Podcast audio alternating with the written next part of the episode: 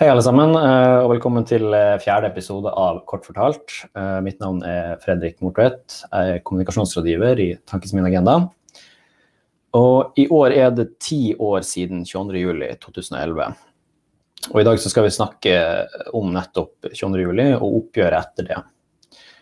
Og for å snakke om det her i dag, så har jeg med meg deg, Sylo Taraku. Du er rådgiver i Tankes min agenda. Velkommen. Takk, takk.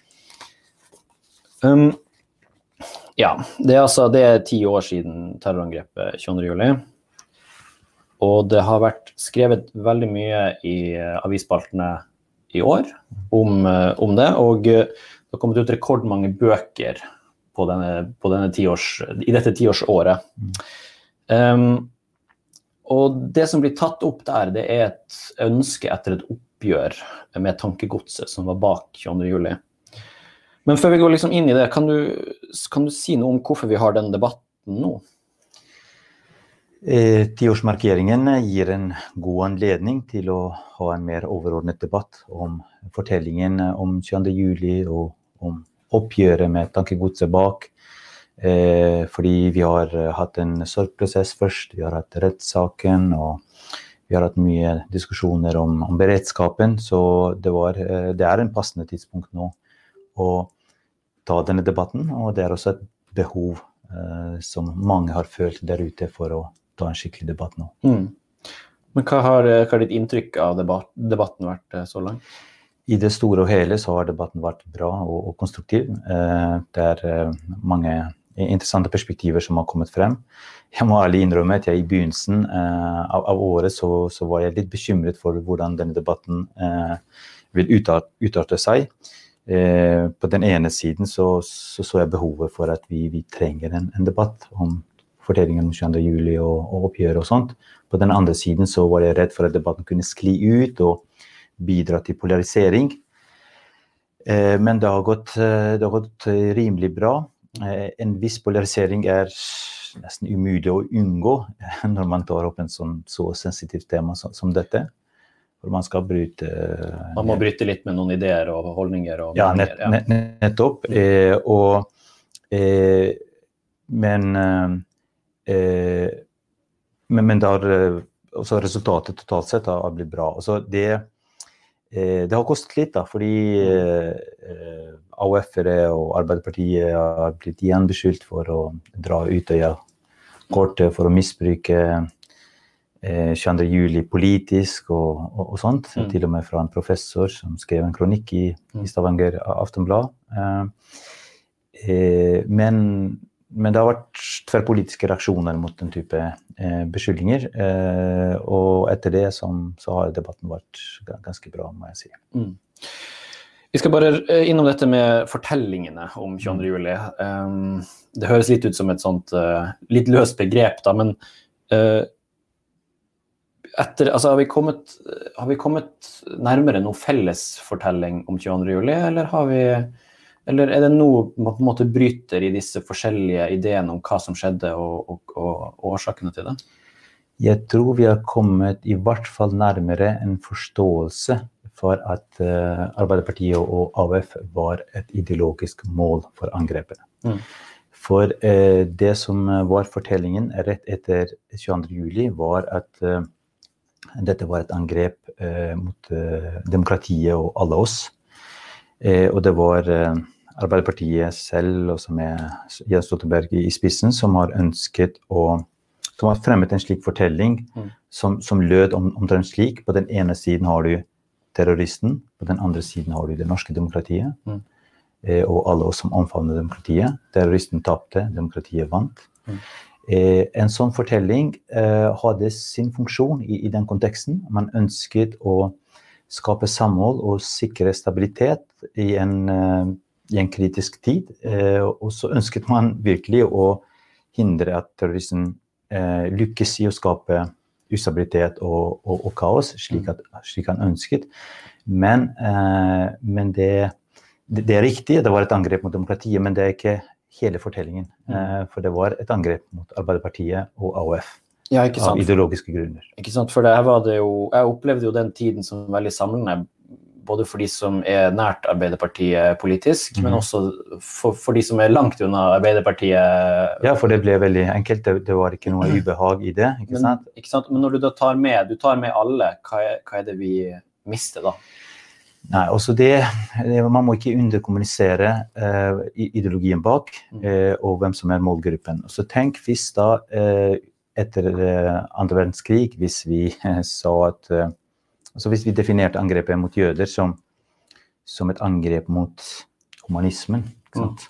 og ikke snakket om antisemittismen f.eks., da hadde vi ikke tatt et oppgjør med, med ideologien bak. Eh, og vi hadde heller ikke gitt den anerkjennelsen som, som jødene også trengte, som, som var spesielt utsatt. Mm. På samme måte her. Eh, det er en ideologi bak som gjør at AUF og Arbeiderpartiet var ikke et tilfeldig eh, målgruppe for terrorangrepet. Altså Mm. det, det er snakk om eh, hatet mot Arbeiderpartiet, som har en lang tradisjon i Norge. Det handler om konspirasjonsteorier.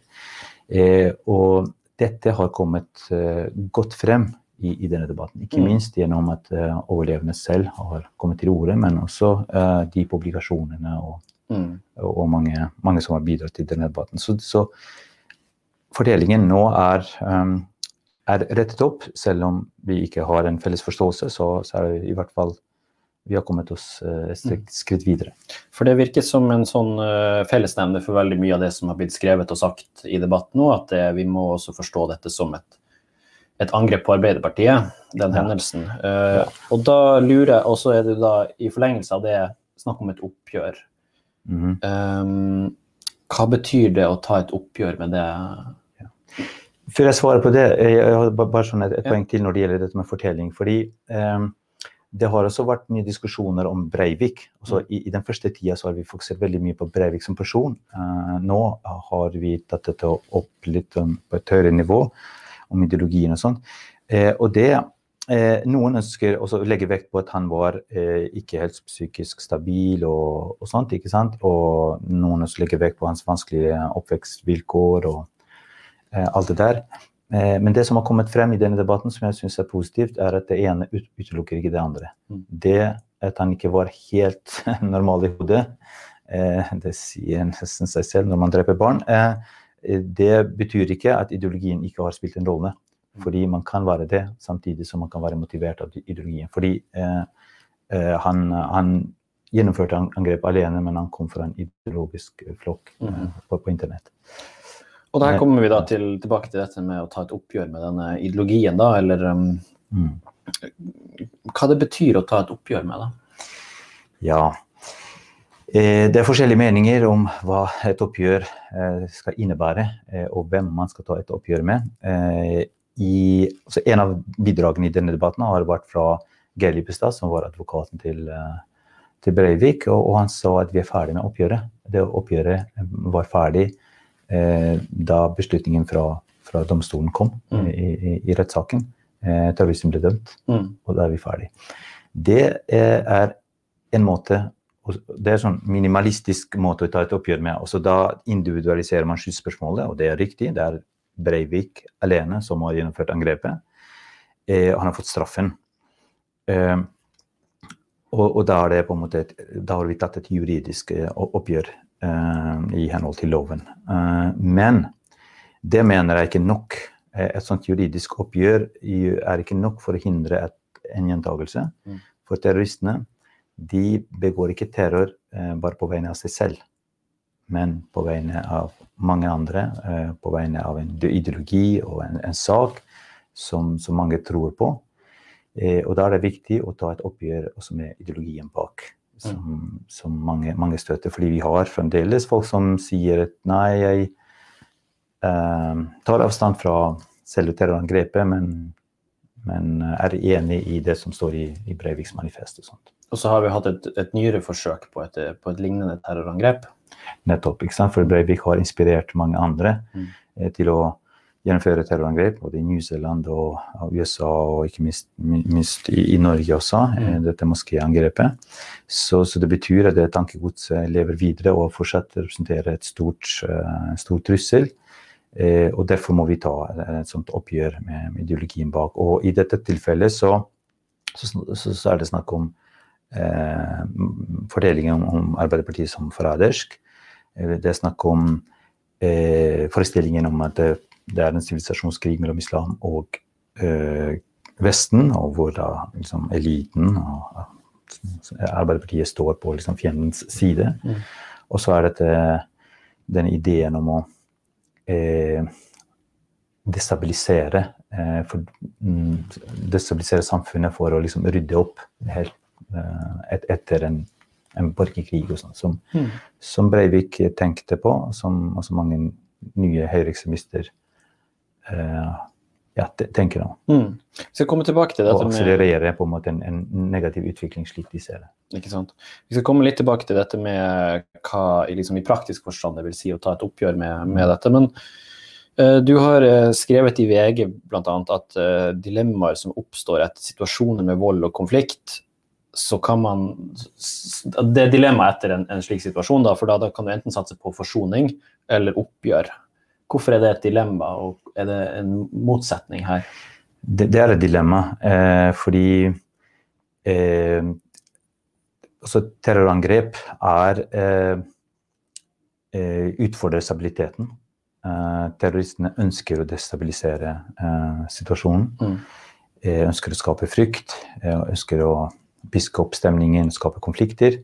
Og det som er ganske typisk for myndighetene, er å, å å tenke stabilitet. Mm. Og da er det ganske naturlig at man velger en strategi som gjør at man roer ned situasjonen eh, og satser på samhold. Sant? Og det er nettopp det eh, Stoltenberg gjorde, og det var helt, helt riktig i, i, den konteksten. Eh, men, men, men man, man, kan ikke la en, en konflikt liksom ulme under flaten, for det kan være eh, krevende både for ofre mm. og overlevende, men, men også for for, behovet for å liksom ta et oppgjør og så gjøre diskusjonene vanskelig uten at 22.07 ligger og ulmer i mm. under, underflaten. Så, så, så, for å hindre nye gjentakelser, så må man ta et oppgjør. Så det er ganske typisk at oppgjørene kommer, kommer etter hvert. da. Ikke, ikke, ikke, sånn, ikke sånn med, med, en gang, selv om vi gjorde mye eh, i starten med å liksom, sette høyreekstremisme på agendaen og sånt. men men man, man, var forsiktig med at ikke støte noen. Eh, kanskje, kanskje overforsiktig. Mm.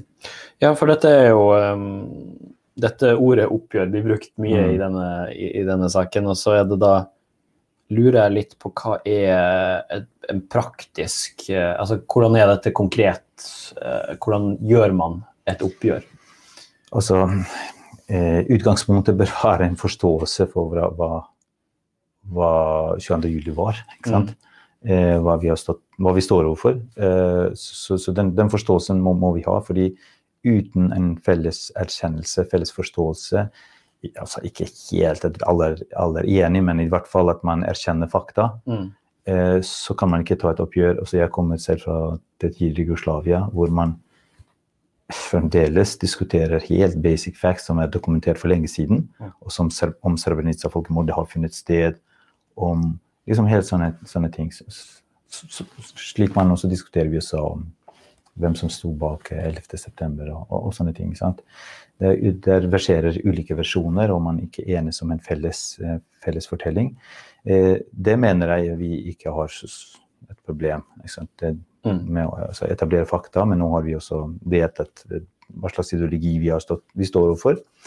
Eh, og da kjenner vi igjen den ideologien når vi ser den. ikke sant? Mm. Eh, og da er det lettere for oss å, å reagere. Eh, men, men, risikoen her er å hvordan skal jeg si, altså unngå å demonisere politiske motstandere. og sånt, Det, det er derfor man har vært litt, litt sånn forsiktig. Men et eksempel på et, på et oppgjør som har vært nødvendig, er når daværende justis- og beredskapsminister Sylvi Listhaug la ut et, eh, et bilde, en eh, Facebook-post, mm.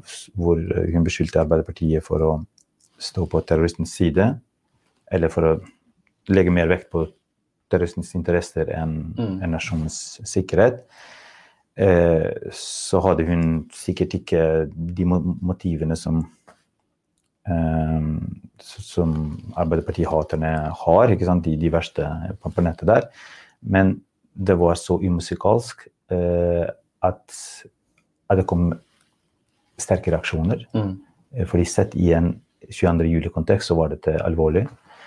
Eh, Og vi tok et oppgjør med det. Og Mm. det, det kom reaksjoner, og hun beklaget, og det førte til at hun gikk av også. Eh, Og da satte vi en standard på hva som er på en måte greit og ikke greit å si om sine politiske motstandere i, i norsk debatt. Eh, og det er bra fordi etter det så har det ikke kommet sånne forræderfortellinger om, om hverandre på, på Facebook. Eh, og, og det er veldig veldig positivt, fordi i mange europeiske land og USA og sånt, så, så er det ganske vanlig med den type beskyldninger. Mm. Eh, noe som, som kan trigge også ekstremister. Men det, det gjelder jo da folk på liksom samfunnstoppene våre, da, som, som vi hele tiden er i en slags offentlig dialog med hva som er greit å si og ikke. Men, Mm. men hva tenker du om det um, oppgjøret med, med meningene i kommentarfeltet eller på liksom. Liksom det som blir eh, flåselig kalt sånn kjellerleilighet, Ja, eh, men på internett. Ja, fordi før så, så var det kjell, kjellere, så, så, Ja. ikke mange som, som hørte det, men nå Det, altså, det, det Nå har det blitt veldig- ikke? Nå er det veldig synlige eh, og, og, og kan oppleves som veldig massivt. Altså Mm. det, det hatet og de hatefulle ytringer. Jeg, jeg føler at vi har tatt et ganske At vi kontinuerlig tar et oppgjør med, med den type hatretorikk. Eh, mediene er blitt flink, flinkere til å moderere sine kommentarfelt. Eh, politiet også prioriterer hatefulle ytringer, og spesielt da, trusler mot eh, politikere Mm. eh, og sånt. Eh, og eh, så, så den, demokratiberedskapen har blitt bedre, men vi har fremdeles eh, en jobb å gjøre. For vi så dette moskéangrepet i Bærum. Det var Mm. bekymringsmeldinger inne i bildet som ikke ble fulgt opp. Og det var igjen ikke så, så mye kunnskap om den nye formen for høyreekstremisme, så vi har stadig en jobb å gjøre for å være på vakt og, og ta et kontinuerlig oppgjør med alt som, eh, som bidrar til, til å forsterke ekstremisme. Mm. Og det har jo også vært eh, altså, PST har vel også understreket at det er høyreekstremisme som er en stor trussel i Norge. Og så har vi også dette med eh, Du har nevnt tidligere dette med at vi, er, vi har blitt ganske gode på forskning på det.